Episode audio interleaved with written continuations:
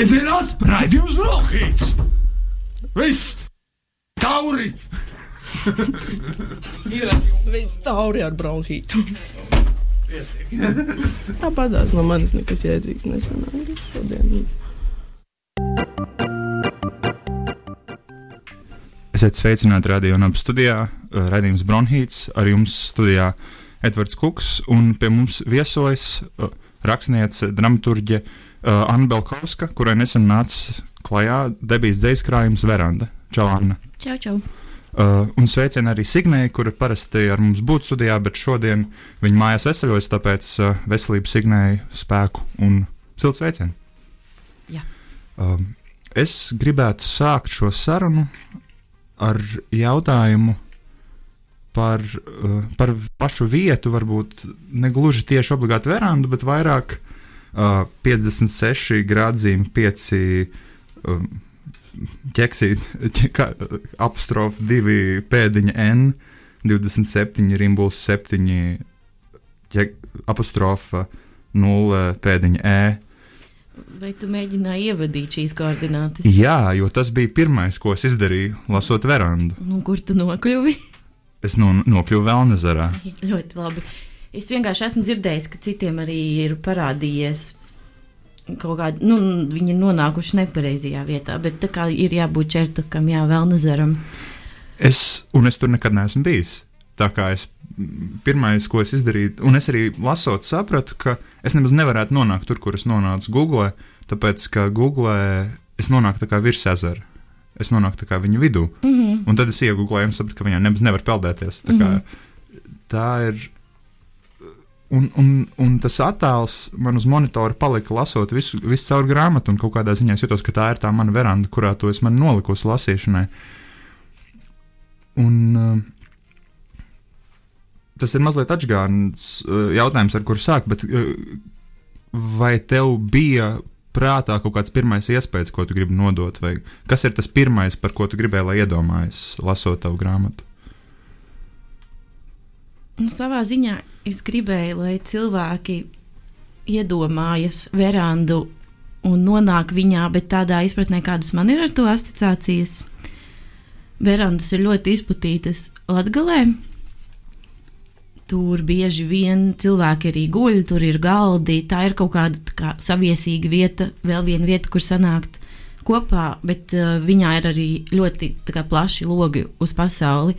Un man tā ir arī komforta vieta būtībā. Es verandās jūtos ļoti labi, un tur ienāk iekšā daudz saules gaismas. Jā, un, un tieši tas, uh, tas ļoti nolasās. Es domāju, ļoti veiksmīgi nolasās, ka, ka šī veranda, gan kā tēls, bet arī viss vis caur grāmatai ir ārpus verandu, dzē, verandu dzējoļa. Um, grāmatā ir ļoti daudz uh, vietas, gan gaismai, gan arī vietas, kur tā teikt, patvērties, pasēdēt. Uh, vai, uh, un tad varbūt šis ir tas jautājums, ar kuru patiesībā man vajadzētu sākt. Ka, kas ir tas brīdis, kurā tu sajūti, ka, ka grāmata nāk kopā, un, un kā viņa tev sāka nākt kopā kā grāmata? Nu, liela daļa dzējoļu jau bija uzrakstīti pirms krietna laiciņa, bet es teiktu, ka kā, tas koncepts un kāda vispār ir manas dzīslas sajūta, sāka nākt kopā, kad es rakstīju jaunākos dzējoļus Vanspils rakstnieku mājā. Mm -hmm. Jo es tur devos tieši ar šo mērķi, pabeigt grāmatu, papildināt to kopu, kas jau man ir izveidojusies kopš es vispār rakstu. Un tad, ja tur kā, tapa viss tas grāmatas koncepts un tas, kā viņai jāizskatās, man šķiet arī tas, kā viņa sauc. -hmm. Es ilgi spēlējos ar visādiem nosaukumiem, un bieži vien tie bija vairāk joku nosaukumi. Bet tad, kad es izdomāju šo, tad es zināju, nu, tā, kā, jā, tā veranda ir mana dzēja. Un arī tas ir pateicīgs nosaukums ar to, ka viņā nu, viss kaut kas var ietilpt. Man liekas, mm -hmm. ka tas ir ļoti daudzām grāmatām, dzējas grāmatām arī gribas to, to tādu, nu jā, šajā gadījumā tiešām telpu. Tel, mm -hmm. telpu tie. Kad tu devies uz, uz Vēnspili pabeigt grāmatu? Sanāk? Tas bija septembrī. Tad, principā, tas, tas tā grāmatas, tas kops, kas var teikt, ir diezgan tev arī, tev arī pašai svaigs. Nu, es teiktu, ka viņš dzīvo no vasaras beigām, no septembra. Jā, nu, Jā, svaigs. Jā. jā. Tas nav ļoti ilgstoši marinēts koncepts. Tev ir bijusi iespēja kā, viņu pārlasīt no vāka līdz vākam. Jā. Un uh, es noteikti. Tas tikai pastiprināja to sajūtu, ko es jau tā kā zināju rakstot, bet arī izlasot. Es domāju, ka es esmu ielikusi tur visu, ko es gribēju ielikt, kā panākusi to kopējo sajūtu. Un arī atsauksmēs, kuras esmu saņēmusi, man šķiet, ka cilvēki ir to nolasījuši. Tev cik senāk ir pagājis laiks? Trīs nedēļas kopš grāmata iznākusi aptuveni. Nu, Nu, kaut kā tā, jā. Ko, teiksim, nu, mēnesis apmēram viņa mm. -hmm. jauno gadu arī iznāca. Uh, un, un tiešām uh, atsauksmes uh, tev reizēm arī kaut kas pārsteidz, vai, vai tiešām pārsvarā ir tā, ka sakrīt ar to? Uh, Pārsvarā sakrīt, jā. Es neesmu dzirdējis nevienu interpretāciju, kas man šķīstu tā kā pilnībā ekstrēma, bet man interesētu tādas, ja arī godīgi. Tā kā rakstat droši. Jā, lūdzu, rakstat. Bet, uh, ja tu saki, um, ka tur ir kaut kādā ziņā arī dzējoļi, kopš tu sāki rakstīt, uh, es tur atpazinu, ja nemaldos, lielāko, lielāko daļu no tekstiem, kas bija arī Niezē, mm Mhm. -hmm. nu, kas bija antoloģijā Niezē, ja ne visus, varbūt pat visi bija. Viens nebija. Viens tad nebija, jā. Uh, bet uh, vai tu jūti, ka tu kaut kādā ziņā esi turpinājusi vienu un to pašu, tāpēc to pašu ieieto ceļu, vai arī tev ir kaut kāds pavērsienu punkts, nu, respektīvi, kurā brīdī tu saprati, o, te tagad ies uz grāmatu. Jo es atceros, ka, ka mēs par to runājam jau 20. gada vasarā, tu arī nometnē, tu jau sāki par to runāt. Jā. Man, kaut, man liekas, ka jā, jo tad, tad arī tieši, nu, vismaz es to esmu tagad tā iztēlojies, ka tad Anna vadīja darbnīcu, es atceros, ka tu tad arī strādāji pie, pie debesu ķermeņiem. Mm -hmm. Uh, un es domāju, nu jā, nu kas, kas ir tas brīdis, kurā tu saprati, ka, ka viss tas jāvelk ciet tas maisis, ka jā, jāiet uz to galu. Es domāju, ka varbūt tā kā es sāku spēlēties ar to domu, atvainojos pirms eh, kādiem diviem gadiem. Jā. Kad es arī vairāk nevis vienkārši rakstīju tos dzējoļus, bet jau arī domāju par viņiem kaut kādā plašākā kontekstā, vai nu, kā kopas kontekstā, ne publikācijas, vai tur ir citādi, bet kā grāmatas kontekstā. Jā. Nepateikšu tev precīzi brīdi, bet divi gadi varētu būt pagājuši. Un, uh, nu, jā, kā, ja tas viss ir tik svaigs, es pieņemu, ka tev pašai tur nav vieta kaut kādiem pārsteigumiem, bet. Nu, ir jautājums, ko, ko, es uzdodu, kāpēc par to kaut kādā ziņā ir par to distanci no grāmatas, vai tev kāpēc ir prasa par to pārlasīšanu, tāpēc, ka. Mm, jā, jautājums ir, principā, vai tu jūti vēl ar vienu to, kā, kā vēl ar vienu sevi, vai kaut ko, ko, nu, ko nā, no kā tu sāc attālināties. Es domāju, ka šo grāmatu man būs vispār grūti jebkad nejust kā sevi, jo viņa ir kā ļoti personīga. Būtībā tur ir iekļauts arī tīri praktiski ļoti daudz no manas biogrāfijas, un arī cilvēki, kuri joprojām ir manā dzīvē. Līdz ar to es nu, būtu jānotiek ļoti lielām izmaiņām, lai viņa man jebkad kļūtu kā kaut nedaudz svešāka. Jā, Es pieņemu, ka kā savos turpmākajos projektos un rakstīšanā es labprāt no tā sāktu attālināties un meklēt kaut kādus citus ceļus, bet šī kā es nedomāju, ka šī grāmata kādreiz kļūs tā kā attālināta no Annas. Bet izklausās, ka tas tev drīzāk patīk. Nu, es esmu dzirdējis, ka cilvēki saka, ka viņi nevar distancēties no savas grāmatas kā tādu slogu. Nu, man tas patīk, jo es tos dzējoļus rakstīju tā, kā es jūtu, un tā kā tas man šobrīd ir. Un tas būtu kā teikt, kā, ka es redzu savu personību, kā slogu. Es nezinu, nu, līdz ar to man tas nešķiet apgrūtinoši. Jā. Nu, jā, tad varbūt tas, uh, tas kaut kādā ziņā ir diezgan gaiša doma, nu, ka tava personība tev tiešām nav. Nenāk uh, kā kaut kādas grūtības, kur nav jāskatās savu tekstu, no tā šausmas. Mm. Uh, ka te, es, tur ir par daudz manis, tur ir par maz manis. Es ilgi esmu strādājusi, lai sevi pieņemtu, un tad es arī to ieliku savā grāmatā. Līdz ar to es negribu Vai da- viņas atteikties un attālināties vismaz nepagaidām. Vai darbs ar sevis pieņemšanu tekstā ir, ir citāds nekā teiksim, tā dzīvē, vai principā tas pats? Es teiktu, ka vispirms tu pieņem sevi dzīvē, un tad to izliec tekstā. Līdz ar to sevis pieņemšana tekstā jau ir tā vieglākā daļa. Jo darbs ar sevi, terapija, teiksim, tas nav viegli. Jā, bet uh, tu saki, ka tavā grāmatā arī ir ļoti daudz teiksim, cilvēku, kas ir tavā dzīvē, mm -hmm. tavas biogrāfijas un vietu. Es domāju, viena lieta ir atsauksmes no teiksim, tā, lasītājiem, lasītājiem, bet otra lieta ir atsauksmes no tiem cilvēkiem, kur tur varbūt arī grāmatā sevi atpazīst. Ir, uh, kā tu jūties tieši domājot par viņu klātbūtni tajā tekstā? Piemēram, man liekas, ka es atradīšu man. Uh,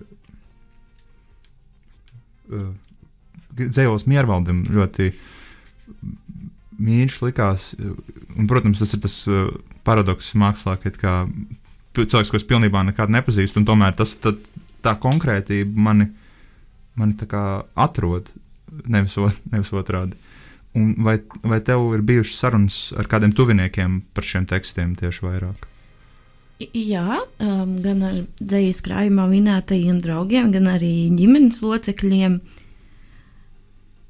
Un, nu, tas, nu, viņi tā kā, no tā saņem aizkustinājumu vistīrākajā veidā. Tur, piemēram, ir dzējolis Ingai, kas ir mana krustmāte, kur pirms diviem gadiem nomira. un Viņas 16-gadīgā meita izlasīja šo dzējoli. un kā Tas man bija ļoti svarīgs brīdis, ka viņi to izdarīja, un tas bija ļoti aizkustinoši. Es saņēmu arī vēstuli no manas krustmātes bērnības draudzenes, kur atpazina tur vietas un situācijas. Viņa man tā kā arī uzrakstīja, cik viņu tas aizskāra. Un, uh, līdz ar to ar tuviniekiem es domāju, ka viņiem ir nedaudz grūti varbūt to novērtēt kā vienkārši grāmatu vai dzēju. Viņi, viņiem ir grūti no tā visa distancēties. Bet varbūt jau tas arī tā kā ne- pied, piederīgi tam visam. Es neteiktu, ka tas ir slikti. Nu, es domāju, ka ir pietiekami daudz cilvēku, kas mani nepazīst un kas arī kā vērtē dzēju, un viņiem, viņi to redzēs arī kā grāmatu un visu konceptu un tam līdzīgi. Un līdz ar to man nav iebildumu, ka kā man tuvi cilvēki nespēja no viņas distancēties, jo savā ziņā jau es arī viņiem to rakstīju. Jā, bet uh, mēs šajā brīdī uz pāris minūtēm distancēsimies no sarunas un uh, pāriesim uz mazu muzikālo pauzi ar Taylor Swift. Sēžamās raidījums Brokhīts! Viss! Tauri! Ir viss tauri ar bronhītu. Tāpatās no manis nekas jēdzīgs nesanāca šodien. Esiet sveicināti Radio Naba literatūras raidījumā Bronhīts. Ar mums šodien Anna Belkovska un Zejas Krājums Veranda. Un uh, muzikālajā pauzē mēs uh, tieši vēl runājām arī par mūziku un par to, uh, ka, kā, tā, kā tā, tevis izvēlētā mūzika šodienai kaut kādā ziņā atspoguļo grāmatu. Un, uh, nu, interesanti tā doma man, jo, jo es nezinu, vai es kādam kaut ko izpļāpāšos uz priekšu, turpmākām 40 minūtēm, bet šodien netipiski bronhītam diezgan daudz popmūzikas, pret ko man nav nekāda iebilduma. Bet uh, interesanti, ka tu to sas sasaisti ar verandu. Un, un varbūt, jā, kas ir tas, kas, kas, kas tev tajā velkas kopā? Kas ir tas, kas tev atspoguļo tur citu citu? Tā mūzika, ko es izvēlējos šodien, izņemot pēdējo dziesmu, kas ir diezgan agresīva, viņas visas ir diezgan kā, tas ir mierīgas, maigas dziesmas, noskaņas mūzika, es teiktu. Un, un man šķiet, ka verandā neiedaras nekas tā kā ar briesmīgi smagnējām lirikām. Vai, nu, jā, es izvēlējos šo mūziku, iespējams, domājot par sevi kā cilvēku un arī par verandas konceptu un to noskaņu ko cilvēki jutīs viņu lasot. Jā, vai tādā ziņā veranda ir noskaņas dzēja, kur nu, vienas uh, tādas sajūtas dzēja? Gan jau, ka nevienas sajūtas, bet man šķiet, ka kaut kāds kopīgs vibes tajā grāmatā ir. Mm, Man, man uh, lasot verandu, tāda pirmā lielā sajūta, kas apņem, ir, ir drošība. Bet nevis drošība, tāda drošība, ka tu esi citu pasargāts, ka, kā, ka kāds kā par tevi mazliet pastāv. Um, Man šķiet, ka tas jau arī tāpēc tur grāmatā pēdējā rindiņa ir par to, ka tev šajā verandā ir vieta. Nu, es jums sagādāju šo vietu, nu, tāda tā drošība ir, ka kā, es gribu cilvēkiem iedot telpu. jā, un nu, e- es teiktu, ka tev sanāk. Bet uh, bet uh, arī tomēr grāmatā šī drošība, nu, viņa nāk, viņa ir drošība arī pret kaut ko, kaut kādā ziņā, vai nu, drošība no kaut kā, un grāmatā ir, ir arī mm, ļoti maz. Teiksim, tā nav, tur nav daudz vardarbības, tādā tiešā ziņā, ka daudz konfrontācijas, bet ir, ir šī, ir, mēs apzināmies, ka šī veranda ir kaut kādā plašākā, netik gaišā pasaulē. Mhm. Un uh, man, man reizēm man jautājumi nemaz nav īsti normāli jautājumi. Uh, vai, vai tu gribi par to pastāstīt, vai tu gribi pastāstīt par to, kas tev tā kā nod, nodalās ārpus tās verandas, un varbūt ka, kāpēc? mm, Kāpēc tev tas ir ietērpies tieši tajā, nu, manā izpratnē, vismaz tieši tajā pasaulē, tieši tajā fonā, nevis kādā, kādā konkrētākā mm, kaitē? Ka, ka, kas ir tas, kas, eh, kas nodala to verandu no tās pasaules? Vai? Nu, par šo jautājumu būs labi jāpadomā. Um,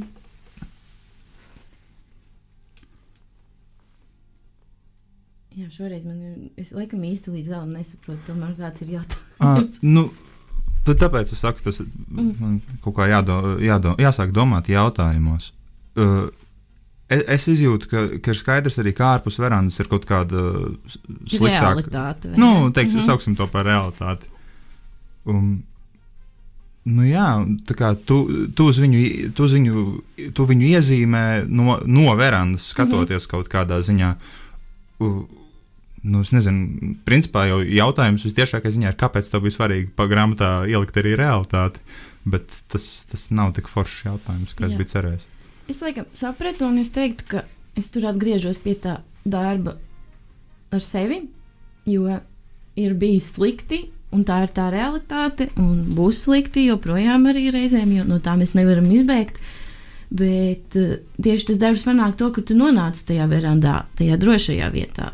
Jo tev, nu, tā kā, tev uzbrūk realitāte, tev kaut kas ar to ir jādara un jāstrādā ar sevi, lai nonāktu verandā.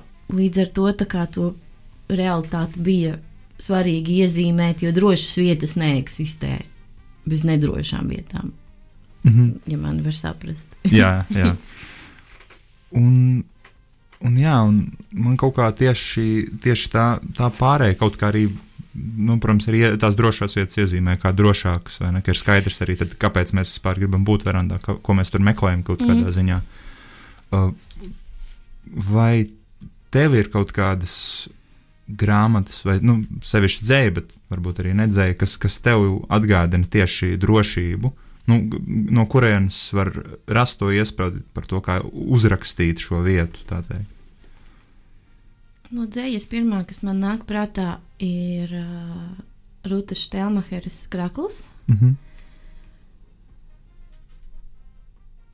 No prozas īsti laikam nekas drīzāk tad varbūt kaut kādas bērnības grāmatas, bet uh, tas man šķiet atkal katram ir individuāli. Man konkrēti šobrīd nekas tāds nenāk prātā.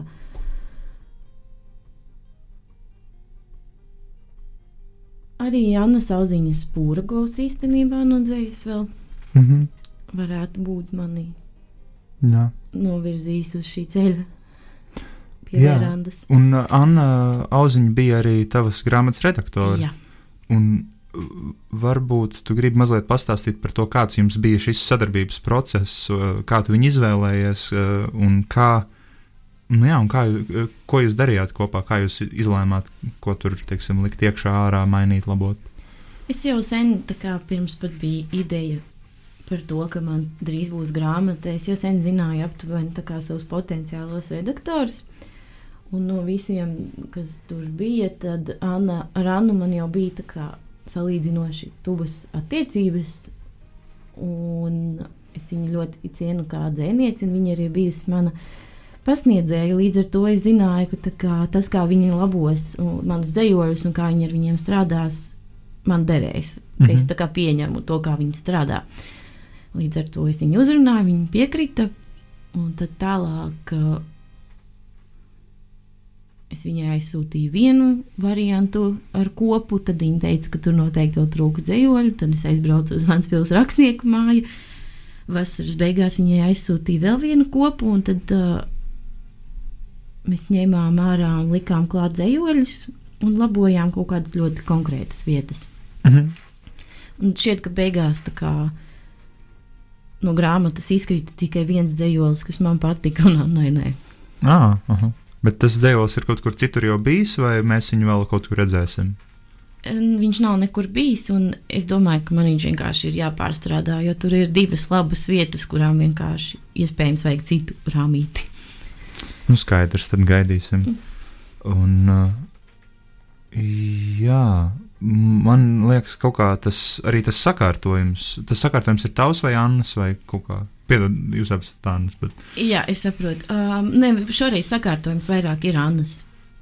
Um, man šķiet, ka kaut kādas vietas ir palikušas tādas pašas, kā es viņu sākumā biju iecerējusi. Jo nu, tur tas ir ļoti loģiski, bet kā, tas, kas ir šeit galā, tas ir tā ir Annas izvēlēta secība. Un tas, ka viņi to izdarīja, to es ļoti novērtēju, jo ar to gan man ir problēmas savā dzējā saprast tieši to secību, kam kur būtu jābūt. Mm -hmm.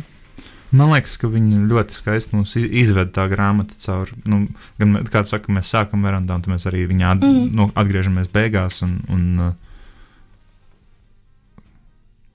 jā, ir, ir kaut kādā ziņā grūti reflektēt par grāmatu, kamēr viņa vēl ir svaiga apziņā. Mm -hmm. Viņa ir, būs vēl mazliet jānosēžas.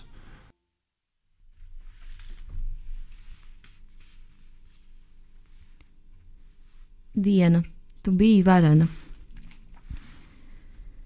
Tikai vienreiz dzīvē nobijos no zīmēns. Pāri aiviekstējas tilti mums pakaļ skrēja sudraba rokas. Manī toreiz izkustējās tektoniskās plātnes. Ciešāk ieskatoties, varēja redzēt, ka drabu. Kopš tās dienas manī mīt jauni kontinenti, pašatklāti un kļūdaini nodēvēti. Katru reizi, kad pamelā pērkons ieslēdz, ieslēdz gaismu, man starp ribām plešas rodīnija. Drīz tai vairs nebūs vietas es padošos sudraba rokām.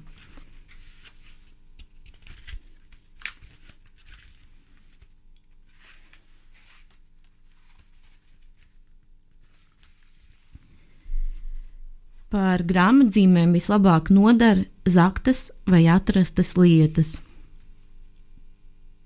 Mazs sarūsējis medību nazis no meža ar skrūvēm kā lūša acīm no citas grāmatas izplēsts Šekspīra portrets ar spilgspālu pāršvīkātām lūpām. Mūžpapīrs no gada, kurā nomira Leontīne. Drāts gabaliņš no opja garāžas izlocīts atslēgas cauruma formā. Līmlapiņa, uz kuras rakstīts: Atcerēties, bet pārējo nevar salasīt lidmašīnas biļetes no gada, kurā Elziņa piedzima. Teikums, ko pateicis neapdomīgs draugs, pārvērsts par dzējoli.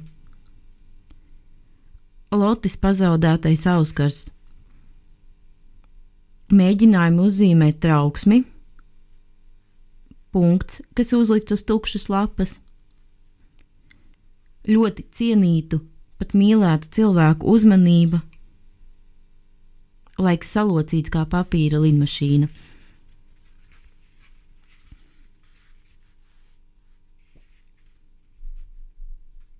Melnā dāma parādies, melnā dāma parādies. Par trešo reizi vēl jāpadomā, bet tu dzīvo manu acu kaktiņos. Gribu tevi beidzot ieraudzīt, mūsu iztēles pamatiedzīvotāju. Melnā dāma, parādies! Lūdzu, apsēdies! Piedot, nesaklāju gultu. Nedomāju, ka tiešām atnāksi. Varbūt gribi uzvilkt ko ērtāku? Lai gan man patīk, tu izskaties kā istabā iemaldījies negaisa mākonis. Dzērsi tēju, varbūt gribi pagaršot melno balzamu. Man negaršo, bet būs silti. Vēl nav pieslēgta apkūra, un tu ieradies no drēgnas vietas. Melnā dāma, tu vakar ļoti ilgi lasīji mūsdienu literatūru, un man traucēja gaisma. Vai tu varētu lasīt virtuvē? Es tev nopirkšu vēl citas sievietes autors. Melnā dāma, tu atkal nobiedēji manu kaimiņu. Melnā dāma vakar izvācās. Tik ilgi neviens nebija saucis viņas vārdu. Vientuļi virtuvē lasu sievietes autors. Aizklāju istabās visus spoguļus.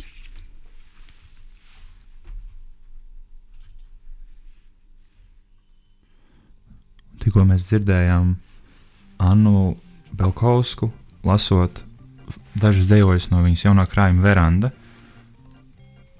Kas ir uh, pēdējās uh, sievietes autors, ko tu tagad esi lasījusi? Vai tas ir tāds nepārtraukts, tā teikt, skrējiens izlasīt nākamo jauno? Īstenībā pagājušajā gadā es ļoti apzināti centos lasīt tieši sieviešu darbus, vairāk gan prozā, nevis dzējā. Un, ja godīgi, šobrīd no dziniecēm tieši es neatceros, kas bija pēdējais, ko esmu lasījusi. Bet jau atkal jāatgriežas pie Annas auziņas, jo pēdējā tā kā prozas grāmata no sievietes autors, ko es izlasīju, bija mājoklis. Hmm. Un kā tev patika? Man ļoti patika mājoklis. Forši. Uh, klausītājiem, ja gadījumā negadījās dzirdēt mūsu sarunu ar Annu Auziņu par mājokli, tad noteikti Bronhīta arhīvā uh, viss uh, ļoti iesakām. Jā, un uh, sapratu, es gribu piebalsot par Stelmehers krāklu. Tas tiešām ir brīnišķīgs krājums. Un tagad man viņš jau bija mājās, bet es regulāri siroju otrajā elpā, un tad es viņu atradu vēlreiz. Mm. Es nopirku vēl vienu. Tāpēc, kāpēc? Tās ir tādas grāmatas, kuras tu pieglabā tā kā ar domu, nu, kādam varbūt citam aiz, Man- vajadzēs. Man viņš arī izskatās ļoti nolietots, jo iespējams, ka man šķiet, ka tas ir viens no dzīslu krājumiem, ko es visbiežāk esmu pārlasījis. Jā. Bet uh, tu saki, ka tu, ap, nu, tu apzināti lasīji sievietes autors. uh, Tas, vai tu vari ieskicēt, kāpēc, vai kāpēc, iesa, iet, kāpēc tu ieteiktu šo praksi, ja tu ieteiktu šo praksi, pamēģināt arī citiem? Um, gan vidējā izglītībā, gan arī augstākajā. Pārsvarā, kad mēs mācāmies par literatūras vēsturi, tad tur tomēr pārsvarā sanāk lasīt vīriešu darbus. Mhm. Un līdz ar to mēs tā kā izaugam un izglītojamies šajā vidē, kur dominē vīriešu darbi, kas tā ir vēsturiski izveidojies, un tas nav pats par sevi slikti. Bet man šķiet, un tad mēs tā kā arī pierodam pie šīs inerces, un es īstenībā arī ļoti ilgi pārsvarā lasīju tieši vīriešu sarakstītas darbus. Mhm. Un tad es nolēmu, ka man vajag šo vienu kā apzināto gadu ar sieviešu autoriem, lai pirmkārt viņas atbalstītu, un otrkārt arī kā ieraudzītu to dažādo pasauļu skatījumu. Un par cik es pati arī esmu sieviete, autore, izglītota sevi galu galā un ā, tā kā pārtrauktu to ciklu, kur es visu laiku neapzināti vai apstākļu, nespiesta, bet tā kā apstākļu dēļ lasu vīriešu sarakstītas grāmatas. Jā. Mums, es atceros arī no, no skolas pat sarunas par to, nu, aptuveni pacēla kaut kādās latviešu valodas, angļu valodas stundās sarunas par to, nu, vai, vai eh, vīrieši un sievietes raksta citādi. Un tajā brīdī mums deva kaut kādu tekstu, kur kaut kāds vīrietis, eh, literatūra kritiķis bija diezgan naidīgs viedoklis, lai, nu, ne naidīgi, bet tāda agresīva, ka nu, vienmēr varētu pazīt, ka sieviete rakstīs. Bet es jūtu, lasot kaut kādas atšķirības, bet es nekad nevaru izskaidrot, kas tās ir līdz galam. Nu, piemēram, runājot par mājokli, mums, kad bija šī saruna šeit ar Signi un Annu Auziņu, bija skaidrs, ka, ka, ka tā valoda, kurā viņi runā par ķermeni, ir ne, nu, piederīga pirmkārt ne tikai sievietēm, bet arī tieši Jānai Auziņai. Bet, Mm. bet, bet ka tur ir kaut kas cits. Bet, jā, arī tā domāju, tagad ir saga- sagadījies pēdējā laikā lasīt tieši sieviešu prozu. Nu, bet ne jaunāko, teiksim, tur es pārlasīju stum stum, un tagad lasu uh, Tonijas Morisons mīļoto. Ļoti, Mm, ļoti foršā Lišinskas tulkojumā. Jā, es arī tieši pagājušajā gadā izlasīju mīļoto angliski gan, bet uh, Ah. tā arī bija laba pieredze. Jā. Vienkārši, vai tu kaut ko tagad veicot šo, es, ne, es negribu to saukt par, tad sauksim to par praksi. Mm -hmm. Uh, ar šo praksi tu kaut ko pamanīji, ko aizņemties sev, vai ko, ko, ko pārņemt, ko tev ir svarīgi varbūt uzturēt savā valodā, rakstot. Man šķiet, ka tas man jau piemita būtībā, jo es.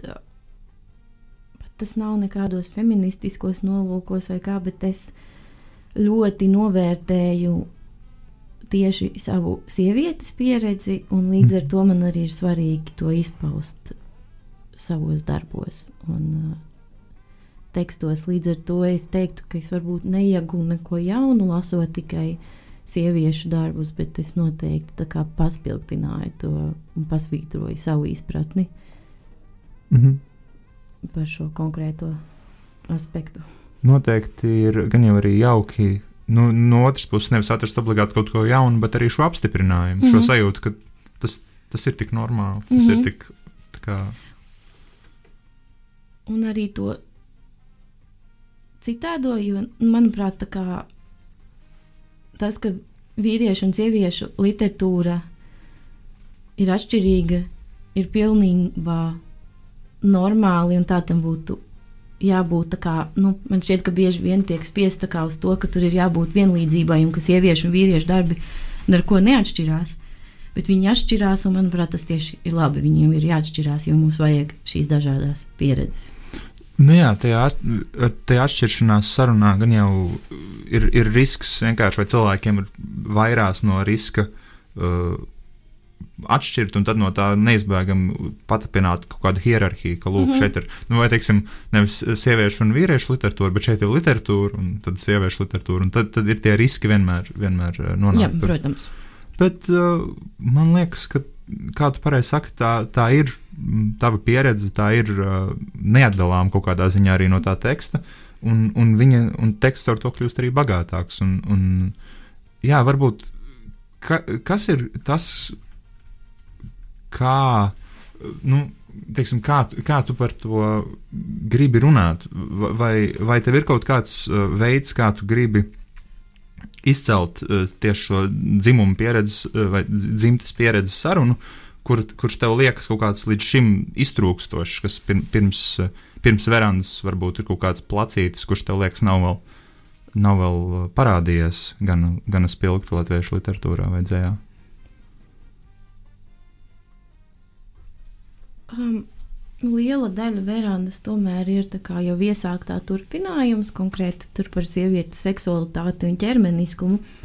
Bet uh, tas, kā vēl trūkst, varbūt tieši, ja mēs runājam par dailu literatūru, bet kas šobrīd ir ļoti aktuāli atkal kā publikācijās. Um, es esmu verandā to minimāli iesākusi ar vienu dzējoli, bet tieši tā kā seksuālā vardarbība Mhm. kas ir vērsta pret sievietēm, un ko Jā. es arī gribētu dzirdēt no vīriešu pieredzes. Bet, jā, es domāju, ka varbūt daļa literatūrā tā vēl trūkst, un verandā ir arī viens dzējolis, kas tam ir veltīts. Jā, un man liekas, ka tev izdodas par to runāt, un varbūt tas arī ir dzīslis formāts, kas to pieļauj, bet ar tādu zināmu maigumu, kurš, kurš ļoti bieži, kurš ir grūts uh, sarunās par seksuālo vardarbību, par vardarbību vispār. Un, un jā, kārtējo reizi man, man tam nav jautājumu, bet es gribu tikai to uzteikt, jo, jo tas varbūt tā, tāds maigums uh, ir tas, kas visvairāk ir vajadzīgs cilvēkiem, kuriem vajag arī šo sarunu. Mm. cilvēkiem, kuriem tā saruna ir vai noklusēta, vai ne, viņi līdz tai nav tikuši, ka, ka ne jau viņu, un nerunājot pat par, par varmākām, kur, kuras vajag kaut kur izvilkt gaismā, bet arī es domāju, cilvēks kur ar pārdzīvojumu negrib obligāti, lai viņu izvēl kaut kur tā teikt ar varu. Un, un, man liekas, jā, tas maigums, ar kuru tu to izsijā, man liekas, ir ļoti svarīga daļa tās sarunas. Nu, kā mēs par to runājam? Mm -hmm. Vai, vai tev ir kāda doma, kā, ko no, no šādas, kā es gribētu teikt, maiguma prakses, vai, vai kā var pārnest arī ārpus dzīslas, vai uz šo plašāko sarunu, kur es arī piekrītu, ir, ir vajadzīga? Pir, ko tu precīzi, precīzāk domā ar maigu? Jā, piedod, es. es uh, Tur ir tas dzējols sprediķis, par ko mēs visdrīzāk abi runājam, ne? vai arī tomēr var nu, kā maršruts, kas ir es biju domājis. fizisko vardarbību tieši. Jā, es arī brīnos, kāpēc tu saki, ka ir tikai viens, jo es domāju, ka arī maršruts ierakstās Mm, jā, jā. tajā. Tā. Un arī dab, dabastu ķermeņi savā ziņā iesākās ar šo domu. Nu, tas, ko es domāju, kaut kādā ziņā ir, ka, ka, ka tu ne, es to neredzu, ka tu raksti par pašu vardarbības aktu. Tu, tu, vi, viņa ir apzināta, mēs par viņu apzināmies mm. -hmm. tajā klātesošā ainā. Bet, bet kaut kādā ziņā viņa tiek neutralizēta, viņa tiek paslaucīta malā, pievēršot uzmanību kaut kādā ziņā dziedēšanai tā vietā. Nu, ja tāpēc, ka es viņu vai nu rakstu kā liecinieks, vai kā upuris. Jā, Un tā vārdarbība ir bijusi ļoti nepatīkama, līdz ar to es par viņu nemaz negribu rakstīt. Un man šķiet, ka pasaulē jau tā kā pietiek pašas vardarbības aprakstu vai vizualizāciju, un līdz ar to mums ir vairāk jāpievēršas tam, kas notiek pēc tam un ko ar to darīt. mhm. Un arī kādā brīdī vajadzētu kā, pievērsties tam, kas notiek ar pašu varmāku, un kā šiem cilvēkiem arī palīdzēt īstenībā. Bet, nu jā, tāpēc es ar Es kā rakst, izmantojot šos, šīs tēmas literatūrā, pieeju tam kā liecinieks vai upuris. Jā. Kā liecinieks, tu, tu arī kaut kādā ziņā, nu, man liekas, tik ietilpīgs vārds uh, liecinieks, jo kaut kādā ziņā tas ir liecinieks ir arī citam notikumam. Un, un man liekas, ka grāmatā Veranda ir arī dažas tādas uh, pārējas ainas starp, teiksim, pilsētu un, es gribu teikt, laukiem.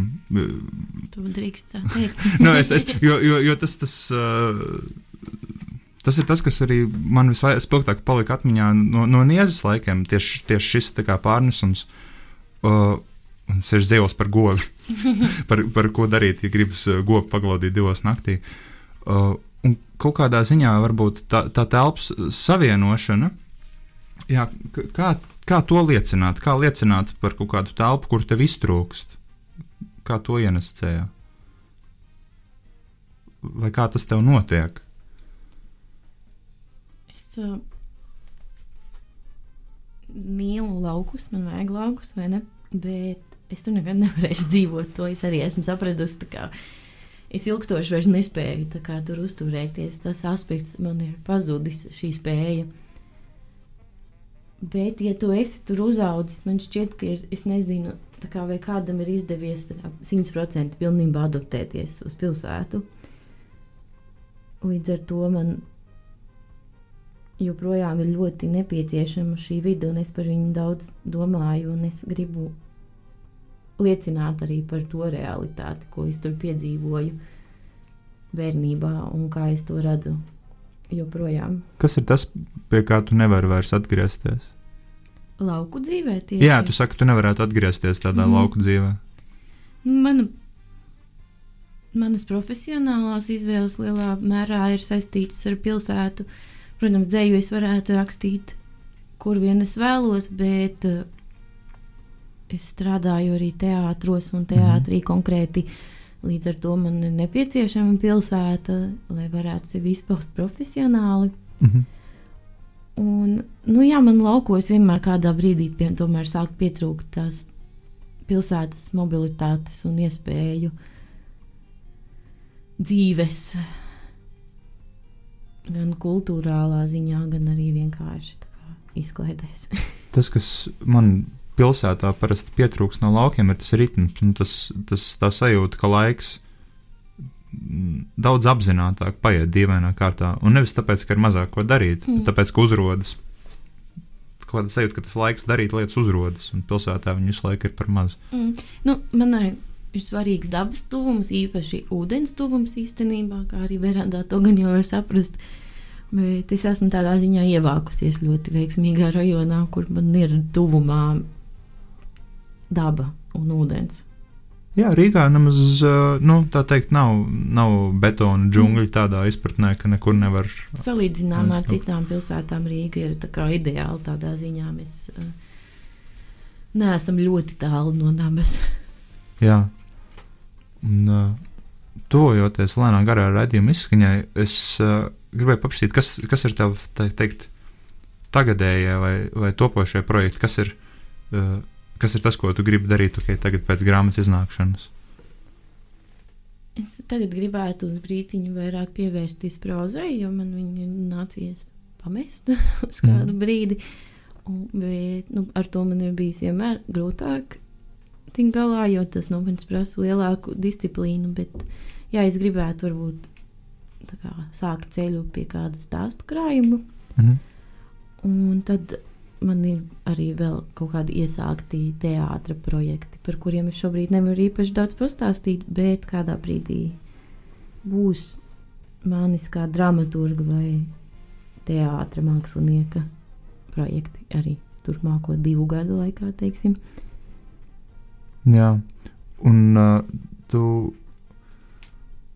Vai tev ir kaut kāda plāna grāmatas uh, atklāšanas pasākumi, kaut kāda publiskas iespējas, kur, kur klausītāji te varētu satikt, tā teikt, parakstīties, safučēties? Uh, Jā, drīz tiks izziņot grāmatas atklāšana. Tur gan nedaudz bēdīgi ir ar to, ka šobrīd joprojām ir ierobežojumi. Bet tā kā Facebookā visdrīzāk varēs atrast eventu, un tad, tad redzēsim, kas notiks. Bet tas ir plānots februāra beigās. tev vispār, uh, tu esi vairāk kultūras, tā teikt, produktu, nu, proti, esošu lietu vai pasākumu cilvēks. Tev izteikti pietrūks pasākumu šobrīd. Nē, īstenībā es no viņiem ļoti atradu. Man arī kādā brīdī uzrādījās sociālā trauksme. Līdz ar to, ka, ja pastāv iespēja, ka es aiziešu kādu grāmatas atklāšanu vai izrādes pirmizrādi, un tur būs daudz cilvēku, ko es pazīstu, tad, tad tas man sagādās ļoti liels raizes. Līdz ar to šobrīd noteikti tie vairāk ir produkti, nevis pasākumi. Bet tas ir kaut kas, kas ir tā, pandēmijas laikā, tu esi at atradinājusies no cilvēkiem. Jā, tā, tā bija pandēmija. Jā. Aha, skaidrs. Un tagad jau ir bijis šķiet labāk nekā bija rudenī, kad atsākās tā visa lielā sezona, kad notika visi pasākumi. Mhm. Pēc kārtas tad, tad man bija grūti, bet tagad jau ir puslīdz viss mierīgi. Ko tu darīji, ja tu esi jau pasākumā, ir par daudz? Ja ir iespējams, tā kā es jūtu, ka tiešām par daudz es eju prom, ja nē, tad es atrodu tā, tā kā tādu drošāku vietiņu, vai arī īstenībā drošāku cilvēku. Tā kā, ja man ir kāds tuvāks cilvēks, tad es visdrīzāk atradīšos kopā ar šo cilvēku, kā, lai viņš būtu mana veranda. Cik būtu skaisti, ja mēs varētu šito ienest. Nu, Vismaz dažu simtu cilvēku, dažu tūkstošu cilvēku valo, valodā to sajūtu, ka cilvēks te var būt veranda mm. Un, un saprast, saprast to, to, to domu, to sajūtu. Jo tā, kad tu to pasaki, man ir skaidrs. Mm -hmm. Par, es pat iedomājos par cilvēkiem. Jā, Um, un, uh, tu, mēs uh, starplaikā, muzikālas pauzes laikā parunājām arī par, par uh, grāmatā esošām fotografijām, mm. -hmm. kuras uh, uh, pastāst par, uh, varbūt par fotografijām un par kartiņām, kas ar tām ir, cik saprotu, nāk līdzi. Jā tāda fotografijas ir mana tēva uzņemtas bildes ar manu mammu un viņas māsām, kā arī manu māsu, kā maza bērnīte no 90. gadiem. Mm -hmm. Pats, pats 90. sākums manis tur nemaz vēl nav, un arī eksistencē manis vēl nav. Un, jā, es iz, man tā kā šīs bildes vienmēr bija ļoti patikušas. un es viņas gribēju iekļaut grāmatā, jo man šķiet, ka tur arī ir tā noskaņa, kas, kas ir piemīta verandai. Un viena no bildēm ir arī uz kartītes, un ja jūs iegādājāties verandu bez kartītes, tad aizrakstiet izdevējiem Valteram Dakšam un lūdziet viņu atsūtīt, jo uz kartītes ir arī dzējolis, kas nav pašā krājumā. Un šo kartīti droši pēc tam varat arī sūtīt kādam citam. Ir vieta pastmarkai. Jā, ir vieta pasmarkai. Man liekas, ka pastkarte ir eh, ļoti labs izmērs, uz kuru drukāt dzējoli. Mm. Uh, bija iepriekš Storija dzīslu diskotēkā pirms kādiem četriem gadiem, bija arī dzīslu pastkartes vienu gadu. Uh, es pagājušā vasarā mums bija vien, vienā pasākumā, kur cilvēkiem beigās katrs varēja uzrakstīt dzīslu pastkartes mm. un tad izdalīt pa, kā papli, nevis papli, bet jauktā secībā, un katrs katram varēja pa dzīslim iedot. Man liekas, ka dzīsniekiem ik pa laikam derētu arī vienkārši izdot dzīslu paskartes bez pašas grāmatas. Vispār viens dzīslis manā grāmatā tapos pastkartes. Tieši par nu, skulptūru, kas bijusi pastkartes otras puses, mm. man liekas, ka oriģināls nonāca pie Ingas Gails, varbūt, mm. neatceros. Un tad viņi man atsūtīja pretī dzēlos paskartes. tā kā Ļoti skaista tradīcija. Tad komforta cilvēki tagad ir verandas, un mēs visi viens otram sūtām dzēļu paskartes. Jā, sūtam, uh, sūtam pastkartes verandām. Perfekti. Jā, nu, nu ko, draugi, uh, paldies. Šis ir mans uh, pirmais bronhīts bez signas, tāpēc uh, īpaši ar to smags, bet ar Annu Balkovsku tāpēc nemaz netik smags. Uh, satiekam savus verandas, sūtam cits citam uh, mīļus vārdus, neobligāti tikai pastkartes. Un uh, uz tikšanos nākamā reizē. Čau! Paldies!